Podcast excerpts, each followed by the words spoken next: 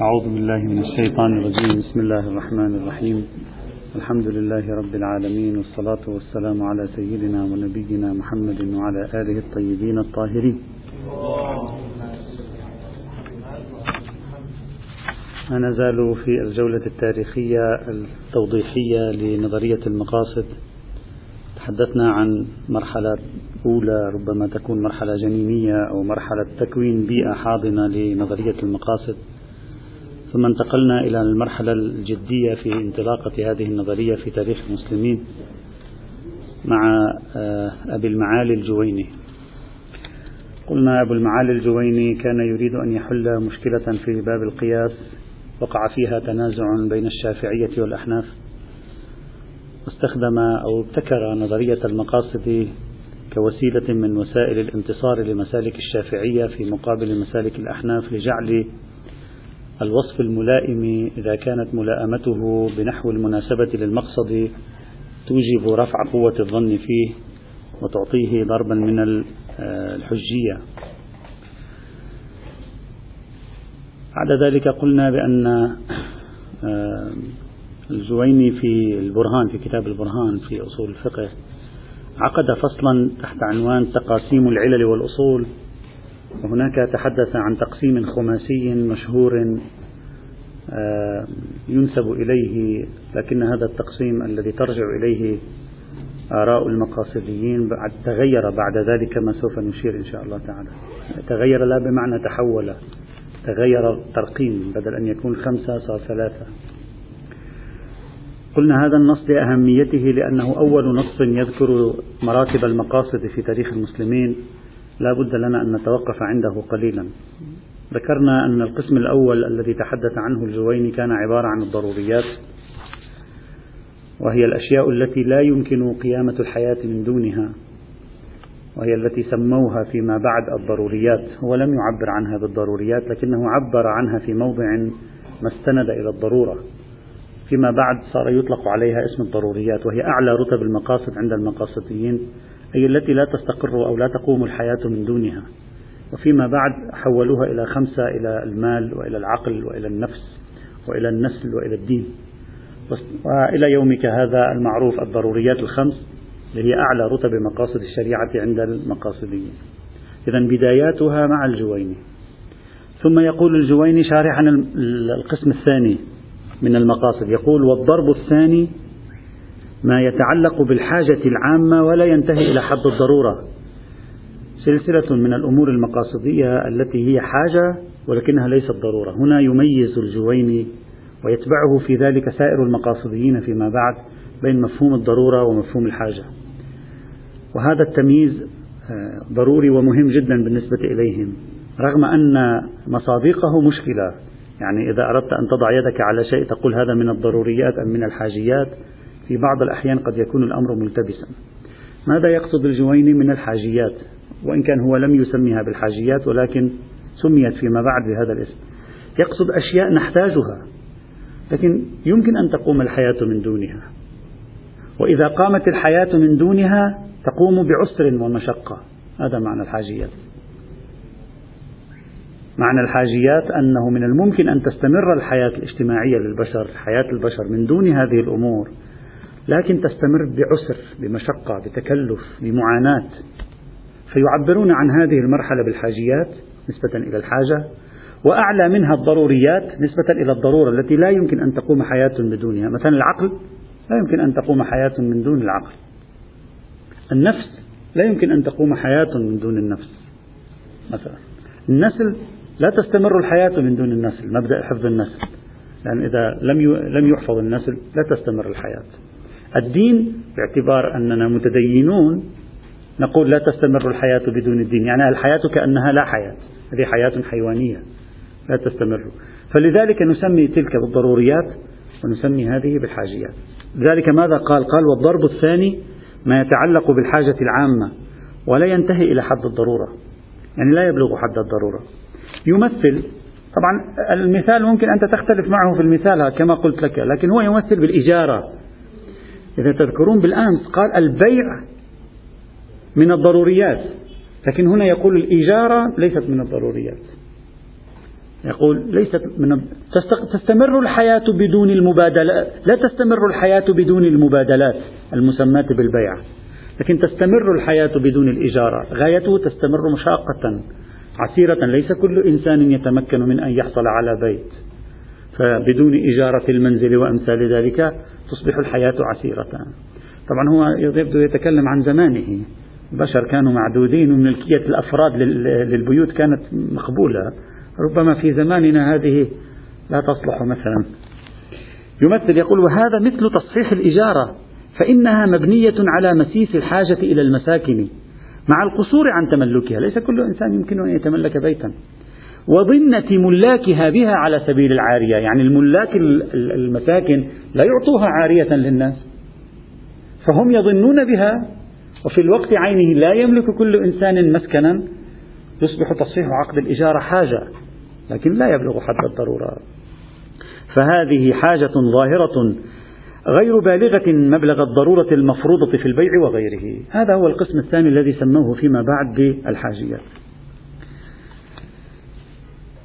القسم الثالث. قال والضرب الثالث ما لا يتعلق بضرورة حاقة ولا حاجة عامة لا هو ضروري ولا حاجي أصلا. ما هو؟ جيد مكمل يزين الحياة محسن. هذا رتبة ثالثة سموه فيما بعد التحسينيات التزيينيات المكملات. هذه التسميات كلها موجودة. فقال ولكنه يلوح فيه أو منه غرض في جلب في جلب مكرمة أو في نفي نقيض لها، يعني يحقق شيئا من المكرمة، يحقق شيئا من الأمر الحسن، لا بأس به لطيف، يمثل يقول: ويجوز أن يلتحق بهذا الجنس طهارة الحدث وإزالة الخبث. يقول هذه من المكملات ليست يعني بدون إزالة الخبث بدون الطهارة الحدثية تبقى الحياة.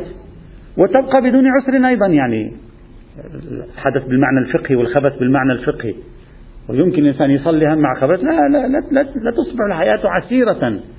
لكن لمزيد تكميل الحياة نتكلم عن الطهارة الحدثية ولمزيد تحسينها نتكلم عن الطهارة الخبثية.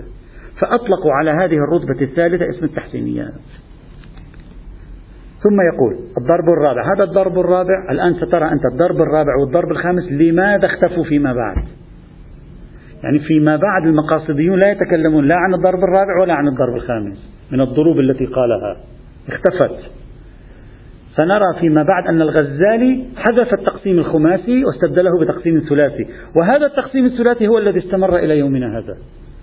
الضرب الرابع. قال ما لا يستند إلى حاجة وضرورة وتحصيل المقصود فيه مندوب إليه تصريحا ابتداء. العبارة مجملة. اختلفوا في معنى المراد.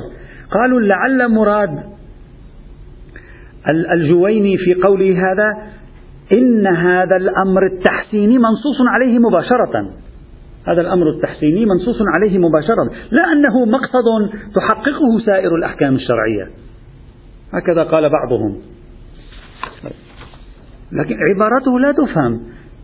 بعضهم قال التحسينيات من نوع الأشياء التي في الجبلة يتحرك نحوها الإنسان مثل النظافة.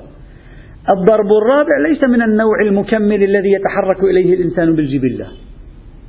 من هذا تعرف لماذا حذفوا هذا القسم؟ لأنهم قالوا هذا القسم ألحقه بالتحسينيات. لا حاجة إلى أن تجعله قسما مستقلا. كيفما كان نصت الشريعة عليه دعت الشريعة إليه بالمباشرة بغير المباشرة؟ تقتضيه الجبلة لا تقتضيه الجبلة. المهم أنه مكمل. المهم أنه ليس ضروري ولا حاجي وفي الوقت عينه مطلوب. إذا لا ضروري ولا حاجي وفي الوقت عينه مطلوب فإذا هو من التحسينيات. إذا هذا الضرب الرابع الذي يذكره الجويني هنا يريد أن يميزه عن الضروب الثلاثة الأولى. يبدو غير كثير غير واضح كثير ضرورة فصله عن سائر عن التقسيم الثلاثي، لذلك فيما بعد تجاهلوا. ويختم الجويني بالضرب الخامس من ضروب مقاصد الشريعة أو بالنوع الخامس قال: والضرب الخامس من الأصول ما لا يلوح فيه للمستنبط معنى أصلا. ما معناه؟ يعني يقول أنت تنظر في هذا الحكم الشرعي لا تفهم معناه، المعنى هنا يعني الأمر المعقول كما قلنا بالأمس. لا تفهم أمرا معقولا فيه. مثل الأمور التعبدية المحضة. لا أكاد أفهم لماذا جعلت. هل هي لأجل أنها ترجع إلى الضروريات؟ هل جعلت لأنها ترجع إلى حاجيات؟ هل جعلت لأنها ترجع إلى تحسينيات؟ أو جعلت هكذا بضرب من التعبد المحض؟ لا أعرف. أنت لاحظ الآن الجويني ترك مساحة خارج إطار التقسيم الثلاثي للمقاصد. يعني هناك مساحة الجويني هنا يعترف بأن هناك مساحة من التشريعات لا أستطيع أن أضعها ضمن مقاصد الشريعة. لذلك قال ما لا يلوح فيه للمستنبط معنى أصلا ولا مقتض من ضرورة أو حاجة أو استحساس على مكرمة. ولكن الجويني رغم ذلك رغم أنه يريد أن يجعل الأحكام كلها تحت سلطان مقاصد الشريعة ذكر هذا القسم الخامس الذي يخرج عن تحت سلطان المقاصد لكن ماذا قال؟ قال وهذا يندر تصويره جدا. يعني ترك مساحة لكن قال هذه مساحة صغيرة. ما يكاد حكم إلا ويمكننا أن نتصوره بعقولنا أنه إما يرجع إلى ضرورة أو يرجع إلى حاجة أو يرجع إلى تحسين. لكن توجد مساحة بسيطة نادرة لأحكام لا هي بالتي ترجع في عقولنا إلى هذا أو إلى ذاك أو إلى ذاك. ترجع إلى أصول لا نعرفها. ترك مساحة التعقل والتعبد هذه مساحة التعقل والتعبد التي تركها لنا الآن الجويني بعدين ستزول بمرور الزمان. سيأتي قوم من المقاصدين ويقولون لا توجد لا يوجد شيء خارج إطار التعقيل يعني إطار الإدراك العقلي. كله يمكننا أن نصنفه عقليا ضمن الضرورات ضمن الحاجيات وضمن المكملات أو التحسينيات. أنت لاحظ أنا لماذا أسوق هذا؟ لنرى كيف تتسلسل الأفكار وتمر تاريخيا. طيب يقول فإنه إن امتنع استنباط معنى جزئي فلا يمتنع تخيله كليا. يعني صحيح أنني لا أستطيع أن أعرف لماذا كان هذا الحكم التعبدي. لكن أستطيع بضرب من الضروب أن أجعله ضمن عنوان كلي كلي كلي جدا. يعطي مثال لاحظ. ومثال هذا القسم العبادات البدنية المحضة. عبادة بدنية محضة. فإنه لا يتعلق بها أغراض دفعية ولا نفعية. ما معنى دفعية ولا نفعية؟ يعني درء مفسدة وجلب مصلحة. قل ما, ما نجد فيها لا مصلحة ولا مفسدة. عبادة بدنية محضة. مثل لنفرض مثلا الهرولة في مكان إلى مكان بين الصفا والمروة. في مكان إلى مكان تجدون العلامة الخضراء ما بين في المسعى بين الصفا والمروة. هناك مكان يستحب فيه الهرولة. الآن موجود يعلمونه أصلا. بشارة خضراء. قل ما هو الفائدة منه؟ لا نجد فيه مصلحة ولا يعني ما تركض قليلا خاصة بالنسبة إلى أبناء ذلك الزمن. بالنسبة إلينا الركض قليل يمكن مفيد بدنيا. بالنسبة إليهم ما يزيدهم شيئا. يقول لك مثلا أنا أعطي مثال ما الفائدة من وراء لا يدفع ضررا ولا يجلب مصلحة. أمر عادي جدا. لكن بإمكانك أن تجعل له تجعله ضمن قسم كل عام هكذا تخيلي. انظر ماذا يقول. ولكن لا يبعد أن يقال صحيح أنني لا أجلب فيه مصلحة أو منفعة أو أطرد فيه مفسدة أو مضرة. لكن يمكن أن نقول مواصلة العمل بالتعبديات يقوي الانقياد لله تبارك وتعالى وهذه مصلحة. هذا الانقياد يرجع إلى مقصد من مقاصد الشريعة إما الضروري أو الحاجي أو المكمل. لذلك فيما بعد حذفوا هذا القسم. لأن قالوا له ما دام يمكن أن نرجعه بضرب من الضروب إلى معنى معقول. لماذا جعلت قسما خامسا؟ فلا معنى له. ما أنت لما حولته إلى, إلى منفعة الإنقياد إذا أدخلته في واحدة من الثلاثة الأول. فلا حاجة إلى فرض قسم خامس. ما دام القسم الخامس دائما يمكن إحالته إلى معنى معقول ولو كلي عام متخيل يعني متصور. ولذلك تجد المقاصديين فيما بعد أصلا حذفوا هذا القسم لم يعد له معنى لأنه هو أجهز عليه بنفسه. في المثال الذي أعطاه أجهز على هذا التقسيم بنفسه. ولكن لا يبعد أن يقال تواصل الوظائف يديم مرون العباد على حكم الانقياد وتجديد العهد بذكر الله تعالى نهي عن الفحشاء والمنكر. يعني نفس أن تجدد العهد هذا يعزز النهي أو الانتهاء عن الفحشاء والمنكر. وهذا يقع على الجملة. هذا التصوير الخماسي لمقاصد الشريعة عند الجويني وهو أول تقسيم رأيناه في التاريخ. بعدين نفس هذا التقسيم سيكرره الفخر الرازي في كتاب المحصول. بعينه هو نفسه يعيد صياغته في كتاب المحصول فيما بعد. طيب. بناء على هذا التقسيم الخماسي رأينا أن القسم الرابع والقسم الخامس يمكن يعني التشكيك فيهما. وبالتالي الذي يثبت القسم الأول والثاني والثالث وعلى هذه الثلاثة استقر عمل المقاصديين فيما بعد. وبهذا نعرف لماذا استقر عملهم لأنهم لم يجدوا جدوى من القسم الرابع ولا من القسم الخامس. الآن أريد أن أقف قليلا مع عقل الجويني. كيف كان يفكر الجويني وهو يضع هذا التقسيم؟ كان يفكر بالمقارنة بين شيئين إذا أردنا أن نحلل. رأى حياة البشر ورأى في المقابل الشريعة وقارن الشريعة مع حياة البشر. يعني هو قام بعملية عقلانية بامتياز. نظر في الحياة. فرأى الأمور في الحياة على ثلاث. سأترك الرابع والخامس. رأى أمورا لا تقوم الحياة إلا بها وهي الضرورات. ورأى أمورا تحتاجها الحياة وقد تقوم بها إلا أن تركها يوقع في عسر. ورأى أمورا تكمل حياة البشر. إذا في البداية على ما يبدو نظر إلى البشر يعني قرأ الاجتماع البشري. يعني نظر في أنواع المصالح والحاجات التي عند البشر. فهو الآن يفكر من زاوية اجتماعية سياسية. ثم بعد ذلك لما رأى الاجتماع البشري قائما على ثلاثة أركان عاد إلى الشريعة. ففرز تشريعاتها في ضوء هذه الثلاثة التي رآها بعقله. فأجرى مقارنة بين التشريعات وبين هذه الثلاثة. جمع مجموعة من التشريعات وأدرجها ضمن الأولى.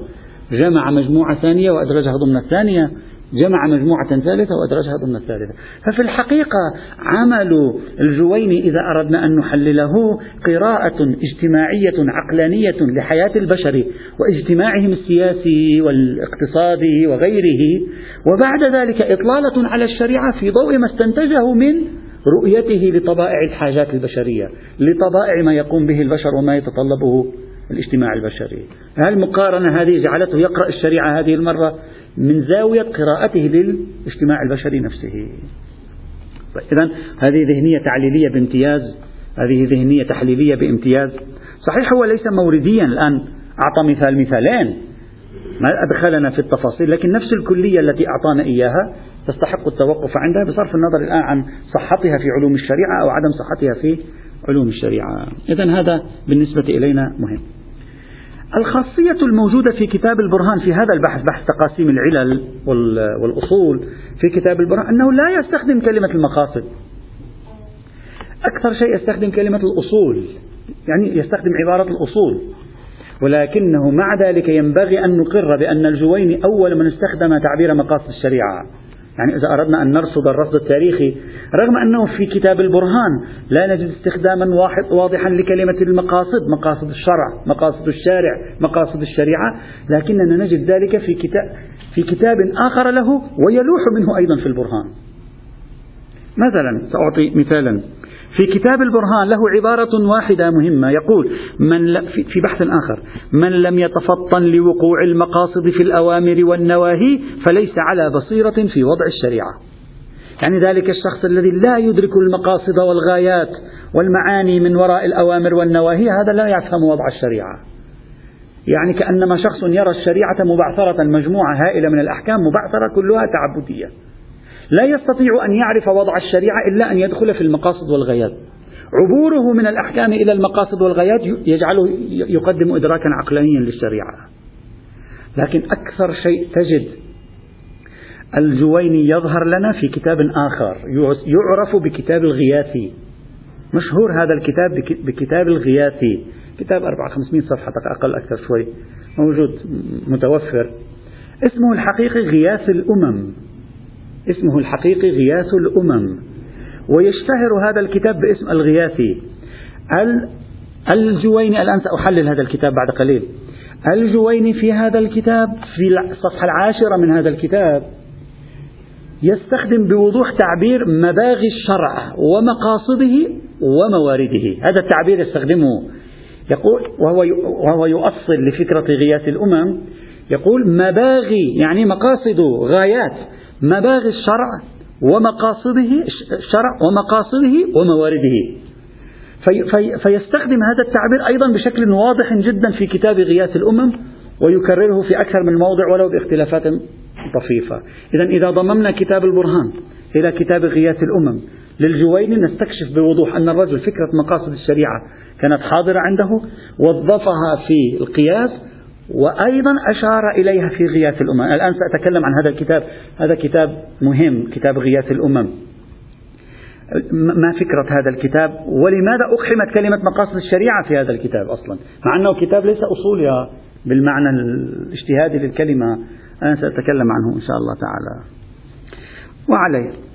إذا إلى الآن إلى الآن توصلنا إلى أن الجويني هو أبو نظرية المقاصد ولو ببداياتها الأولى التي هي في داخل علم القياس أو مباحث القياس.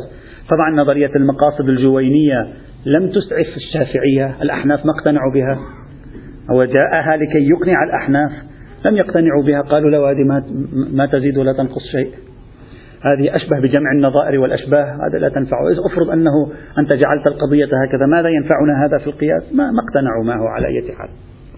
استمر الوضع هكذا إلى مرحلة لاحقة بعدين تحول علم المقاصد إلى صيغة متطورة. قبل أن أنهي كلامي طبعا وأنا قلت أنا أسير باختصار تاريخي وإلا التوسع التاريخي له مجال كبير. قبل أن أنهي كلامي سأتوقف قليلا عند فكرة طرحها الباحث المغربي المعاصر وهو من الباحثين يعني المرموقين المعاصرين في المغرب دكتور عبد المجيد الصغير. يوجد كتاب أنصح الإخوة بمطالعته لأنه من الكتب التي تربط علوم الشريعة بتاريخ السياسي الاجتماعي للمسلمين. من أهم الكتب التي صنفت في العقود الأخيرة تربط علوم الشريعة بتحولات السياسية الاجتماعية للمسلمين. كتاب عبد المجيد الصغير. الآن هو رجل كبير في السن يعني ما زال حيا على ما أعتقد. رجل كبير في السن. عنده كتاب أنا سأذكر الاسم الكامل الكتاب الفكر الأصولي وإشكالية السلطة العلمية في الإسلام.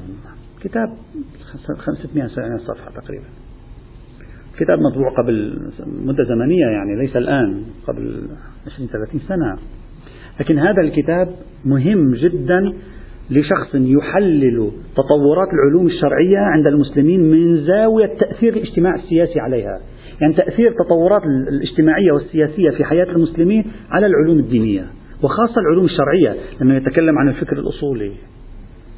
كيف الحياة السياسية للمسلمين أثرت في الفقه؟ كيف الحياة السياسية للمسلمين أثرت في أصول الفقه. واحدة من القضايا طبعا وهو يهتم جدا في هذا الكتاب بمقاصد الشريعة. واحدة من القضايا التي يضع عبد المجيد الصغير إصبعه عليها هي الجويني. يخصص للجويني تقريبا مئة صفحة. وهو يحلل مساهمة الجويني في أصول الفقه وعلم مقاصد الشريعة. وماذا فعلت السياسة؟ والتحولات التاريخية عند المسلمين في الجويني نفسه. خلاصة الفكرة التي تعنيني هنا الآن ولا نحن لن نتكلم عن كل أطروحة عبد المجيد الصغير في الجويني وأسهب كثيرا في مع شيء من التكرار أسهب كثيرا في تحليل الجويني بشيء يستحق القراءة فعلا يعني. خلاصة فكرته هي الجويني رجل متى عاش؟ الجويني توفي في النصف الثاني من القرن الخامس الهجري. متى سقطت الدولة البويهية؟ متى تم غزو بغداد من قبل السلاجقة؟ 448 الهجرة صحيح؟ خرج الشيخ الطوسي ونزل إلى النجف القصة التي نعرفها جميعا. هذا التاريخ مؤلم لجميع المسلمين. يعني تاريخ انهيار الدولة العباسية طبعا مش انهيار الكامل مع المغول لا الانهيار الداخلي للدولة العباسية خاصة في واحدة من أكثر فترات ازدهارها وخصوبتها هي العصر البويهي. انهيارها على يد السلاجقة الذين دخلوا بغداد ولم يهتموا بالعلم وأمعنوا القتل والتنكيل أثرت كثيرا في المسلمين. يعني كانت مؤلمة جدا أدت إلى تراجع أحوال الثقافية والفكرية عند المسلمين. عبد المجيد الصغير يقول هذا الجويني يعيش في تلك الفترة. ما معنى تلك الفترة؟ تلك الفترة التي بدأت الدولة الإسلامية المهيبة المزدهرة المتطورة بدأت تتراجع شيئا فشيئا. الآن على يد السلاجقة لقيت ضربة قاسمة. تراجعت خاصة تعرف السلجوقيين كانوا متعصبين جدا وأعادوا إحياء الفتن الطائفية مع الأسف الشديد. بس تجي الفتن الطائفية يقضى على المسلمين. تنمو قضايا وتموت قضايا أخرى. بينما البويهيون الشيعة بالعكس كان عندهم مساحة هائلة من الحرية مساحة هائلة من التنوع. كانوا يستقبلون الشعراء والأدباء والمفكرين والعلماء في البلاط وفي مراكزهم. ما كان عندهم مشكلة اهتموا بالمكتبات إلى آخره. يعرف ذلك القاصي والداني. طيب. طب في هذا الزمان عاش الجويني. شعر بانهيار الدولة الإسلامية. فكر هل من مخرج؟ ماذا نفعل؟ يبدو أننا نتفكك شيئا فشيئا الأمور تذهب وتتلاشى. هل من مخرج؟ فكر الجويني رأى أن المشكلة العمدة هي في السلطة. السلطة هي مشكلة مشاكل المسلمين. بها يقوم المسلمون وبها ينزل المسلمون. ما دام لم نصلح أحوال السلطة وإدارة الاجتماع السياسي ويعني كيف ندير حياتنا لا تنحل المشكلة. فألف كتابه غياث الأمم. غياث الأمم مشايخنا الكرام كتاب في 400 صفحة محقق الآن. فكرته المركزية الإمامة. لكن ليس الإمامة صراع الإمامة في زمن أبي بكر وعمر فقط. وإنما كيف ندير وننقح قضية الإمامة السلطة في الإسلام؟ كيف كيف نحل مشاكلنا؟ إلى متى سنبقى هكذا؟ هذا لا شك أن الجويني فكر في هذا. يعني في كتاب غياث الأمم أنت تجد هذا المعنى. تجد واضح. يعاني من أزمة يعاني من مشكلة. يحس بها. وفترته الزمنية تساعده على هذا الإحساس. ويريد أن يفكر في إصلاح الأوضاع الاجتماعية والسياسية للمسلمين. عبد المجيد الصغير أراد أن يقحم نظرية المقاصد في فكرة آه، أبي المعالي الجويني في إنقاذ وضع المسلمين. يعني كيف ننقذ الوضع الإسلامي وننقذ الفكر الإسلامي من المأزق الذي وقع فيه؟ اعتبر عبد المجيد الصغير في خلاصة الآن أختصرها لكم. اعتبر أن نشأة علم المقاصد على يد الجويني يريد بها إنقاذ العلوم الشرعية من التشظي الذي وصلته من الظن إلى القطع. يعني الجويني يريد أن يعيد إحياء العلوم الإسلامية الشرعية لتسلك سبيل اليقين. خلصونا من الظنون. يعني ننتهي من عصر الظنون ونبدأ بعصر اليقين. فنأخذ الأمور المتيقنة ونبني عليها حياتنا. أما الظنون التي أوجبت كل تلك الصراعات اتركوها جانبا. أراد أن يحيي اليقين في علم أصول الفقه. هذا رأي عبد المجيد الصغيرة ليس رأيي. أنا أختلف مع هذا الرأي. رأيه أنه أراد أن يحيي اليقين. في عفوا أنا قلت الظنون لا أدري. يحيي اليقين في علم أصول الفقه وليس الظن. فقال فلنرجع إلى مقاصد الشريعة ولنفكر بهذا الثلاثي. هذا الثلاثي هو الذي ينظم حياة المسلمين. وبالتالي استخدم فكرة المقاصد ليرفع أصول الفقه نحو إعادة إحياء نفسه للتكيف مع الواقع الذي أدى إلى انهيار المسلمين. الآن نريد أن نتكيف مع هذا الواقع. ماذا نفعل؟ ما هو الحل؟ الحل أن القضايا الظنية نتركها جانبا ونعود إلى اليقين. أين هو اليقين؟ في كليات مقاصد الشريعة. كليات مقاصد الشريعة هي اليقين الذي يمكن أن نحصل عليه. هذه هي. لا, لا يوجد يقين آخر. وبالتالي كليات مقاصد الشريعة هي الباب لخروج الاجتهاد الإسلامي من المأزق للتكيف مع الواقع لا لإصلاح الواقع لأن عبد المجيد الصغير يعتقد بأن الجويني آيس من إصلاح أوضاع المسلمين. يعني لم يكن يتخيل بعد أن تعود دولة الخلافة. خلاص. آيس عنده عبارات يأس. يعني أن تقرأ غياث الأمم للجويني ترى بعض عبارات اليأس. خلاص الأمور راحت. نرجع إلى زمن أبهتنا انتهى. علينا أن نتكيف مع الواقع. كيف نتكيف؟ كيف نصل إلى أقل خسائر؟ بواسطة إنقاذ العلوم الشرعية بنظرية المقاصد. إذا الآن نظرية المقاصد في تصويرنا الذي صورناه بالأمس هي نظرية في داخل باب القياس لأجل فك صراع بين الشافعية والأحناف. بينما نظرية المقاصد بتحليل الدكتور عبد المجيد الصغير هي نظرية لنهضة المسلمين. يعني نظرية نهضوية لذلك يصنفه هو على علماء نهضة المسلمين في القرن الخامس الهجري. وفي تقديري هناك أشياء أصاب بها عبد المجيد الصغير. هناك أشياء يبدو أن يبدو لي أنها مبالغة. أما أصاب به عبد المجيد الصغير هو أن الجويني كان عنده يأس وكان عنده إحساس بالمأساة التي وقعت وتتتالى فصولها في تاريخ المسلمين. وأنه كان يريد أن يصوغ حلا لكن لم يكن في تقديري الجويني يصوغ الحل من خلال نظرية المقاصد كان يصوغ الحل من خلال نظرية الإمامة. هذا أقرب لفكرة الجويني. يعني الجويني يريد أن يقول مشكلتنا أننا لم نفهم فكرة الإمامة. الإمامة ليس الإمامة عفوا حتى أوضح فكرتي. ليس الإمامة بمفهومنا الشيعي ليس الإمامة الإمام علي وأبو بكر ومن هو الخليفة بعد النبي فقط. هذه مقدمة لها. الإمامة السلطة في الإسلام. الخلافة في الإسلام كيف ندير الاجتماع السياسي الإسلامي؟ نعم أراد الجويني أن يحل المشكلة من خلال صياغة فكرة الإمامة وشروط الإمام وظروف كيف نضع مقولة الأحكام السلطانية بطريقة جديدة. هذا موجود في كتابه غياث الأمم. يعني كتاب جميل هو في الحقيقة. أما فكرة المقاصد الحق والإنصاف أنك تراها في كتاب غياث الأمم لكن تراها عرضا. ما تراها هي المفصل في في فكرته في غياث الأمم. وحتى في البرهان لا تراها أساسا. لم يفرد لها بابا مستقل. يعني شخص أنت تدعي بأنه أراد من نظرية المقاصد إيجاد حلقة في سلسلة نهضوية للفكر الديني لا يحق أن نقول بأنه وضعها في تفريع الفرع. في القياس بعد القياس هو فرع الفرع. في القياس في داخل مباحث مسالك التعليل في داخل النزاع بين الأحناف. والشافعية لا يبدو لي مقنعا تحليل الدكتور الصغير. يبدو أقرب أن الرجل أراد أن يكون نهضويا وهذا معقول لكن من خلال زاوية نظرية الإمامة والسياسة إعادة تشكيل وعي السياسي عند المسلمين. لا من خلال نظرية المقاصد. نعم ممكن نظرية المقاصد تسعفه فكرة المقاصد تساعده في مكان ما وإلا الجويني في سائر كتبه وبحوثه الأصولية ظني مثله مثل سائر علماء المسلمين. لم يتضح أن الرجل يريد أن يحذف الظن في أشخاص أدبياتهم لغتهم كتبهم واضحة في أنهم يريدون أن يحيوا الفكر الإسلامي على أساس مقولة اليقين. الفكر الإسلامي الفقهي الشرعي. واضح من كلامهم. أنت ترى روح هذه الفكرة في كل كتبهم. لكن الجويني لا ترى ذلك. فقيه مثل سائر الفقهاء يبني على حجية الظن.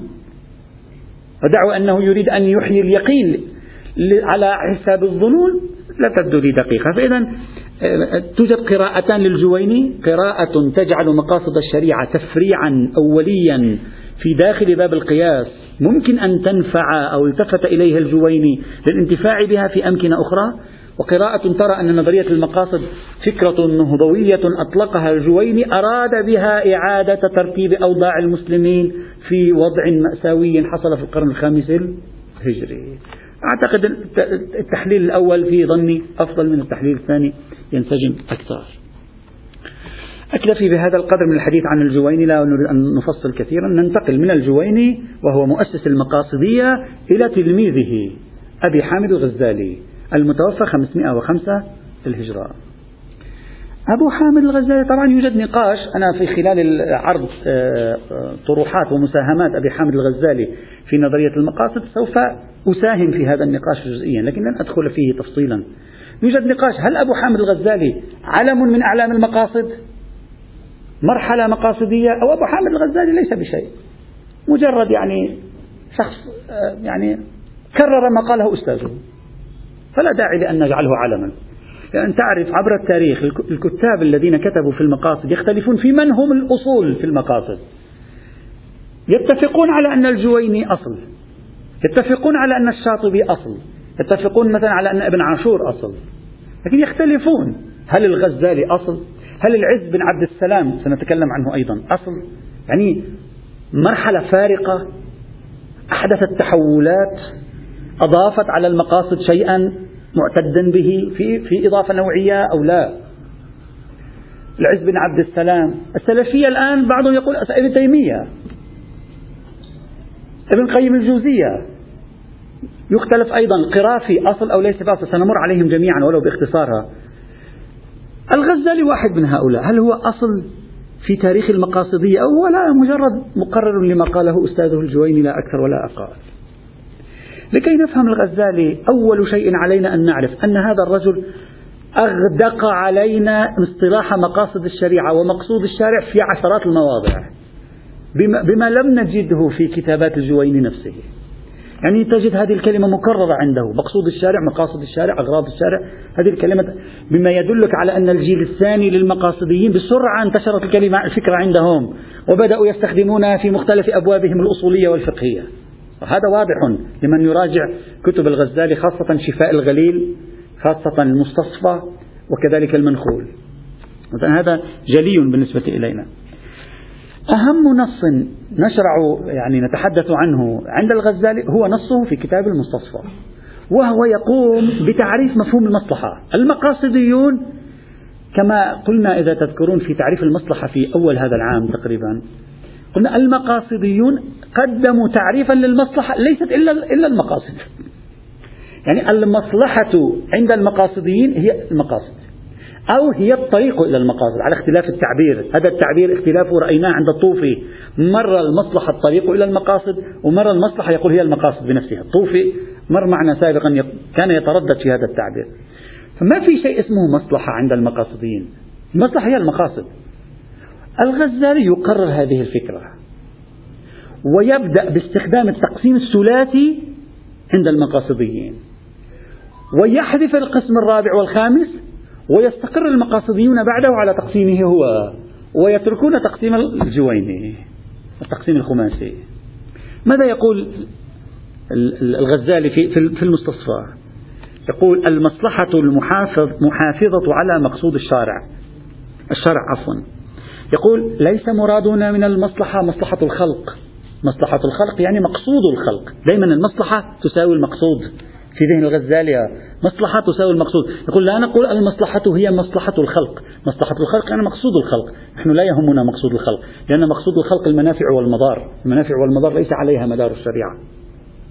طيب ما هي المصلحة؟ مقصود الشارع مقصود الخالق ما مقصود الخلق. لذلك يقول المصلحة المح... عندما يعرف المصلحة المصلحة المحافظة على مقصود الشرع. ومقصود الشرع من الخلق خمسة. يقول مقصود الشارع خمسة أشياء. لأول مرة نجد فقيها مقاصديا يصرح بالضروريات الخمس. لا الجويني سمى الضروريات الخمس ولا أولئك الذين كانوا من قبل أبو الحسن العامري والترمذي وغيرهم تكلموا عن شيء اسمه الخمس. أول مرة نجد تعبير المصالح الضرورية الخمس عند الغزالي. يقول أن يحفظ عليهم دينهم مصلحة الدين. أو مقصد الدين. ونفسهم وعقلهم ونسلهم ومالهم. فكل ما يتضمن حفظ هذه الأصول الخمسة فهو مصلحة. وكل ما يفوت هذه الأصول أو ما يفوت هذه الأصول فهو مفسدة ودفعها مصلحة. وإذا أطلقنا المعنى المخيل والمناسب في كتاب القياس أردنا به هذا الجنس. وهذه الأصول الخمسة حفظها واقع في رتبة الضرورات. الآن هذا أول قسم من المراتب اللي هي مرتبة الضرورات. فهي أقوى المراتب في المصالح. يمثل يقول ومثاله قضاء الشرع بقتل الكافر المضل. ليش نقتل الكافر المضل؟ لأن الكافر المضل يخرق مبدأ حفظ الدين. فإذا يخرق مبدأ حفظ الدين نقتله. لأنه هذه مقصد من المقاصد الضرورية التي لا مجال للمزاح معها. الكافر غير المضل ما لنا شغل معه لكن الكافر المضل نقتله. ومثاله قضاء الشرع بقتل الكافر المضل وعقوبة المبتدع الداعي إلى بدعته. فإن هذا يفوت على الخلق دينهم. وقضاء الشرع أيضا قضاؤه بإيجاب القصاص إذ به حفظ النفوس. أرجع كل أبواب باب القصاص إلى الضرورات. وإيجاب حد الشرب إذ به حفظ العقول التي هي ملاك التكليف. وإيجاب حد الزنا إذ به حفظ النسل والأنساب. وإيجاب زجر الغصاب والسراق إذ به يحصل حفظ الأموال التي هي معاش الخلق وهم مضطرون إليها. وتحريب تفويت هذه الأصول الخمسة والزجر عنها يستحيل ألا تشتمل عليه ملة من الملل وشريعة من الشرائع التي أريد بها إصلاح الخلق. هذا الكلام بمن يذكرنا؟ يذكرنا بأبي الحسن العامري.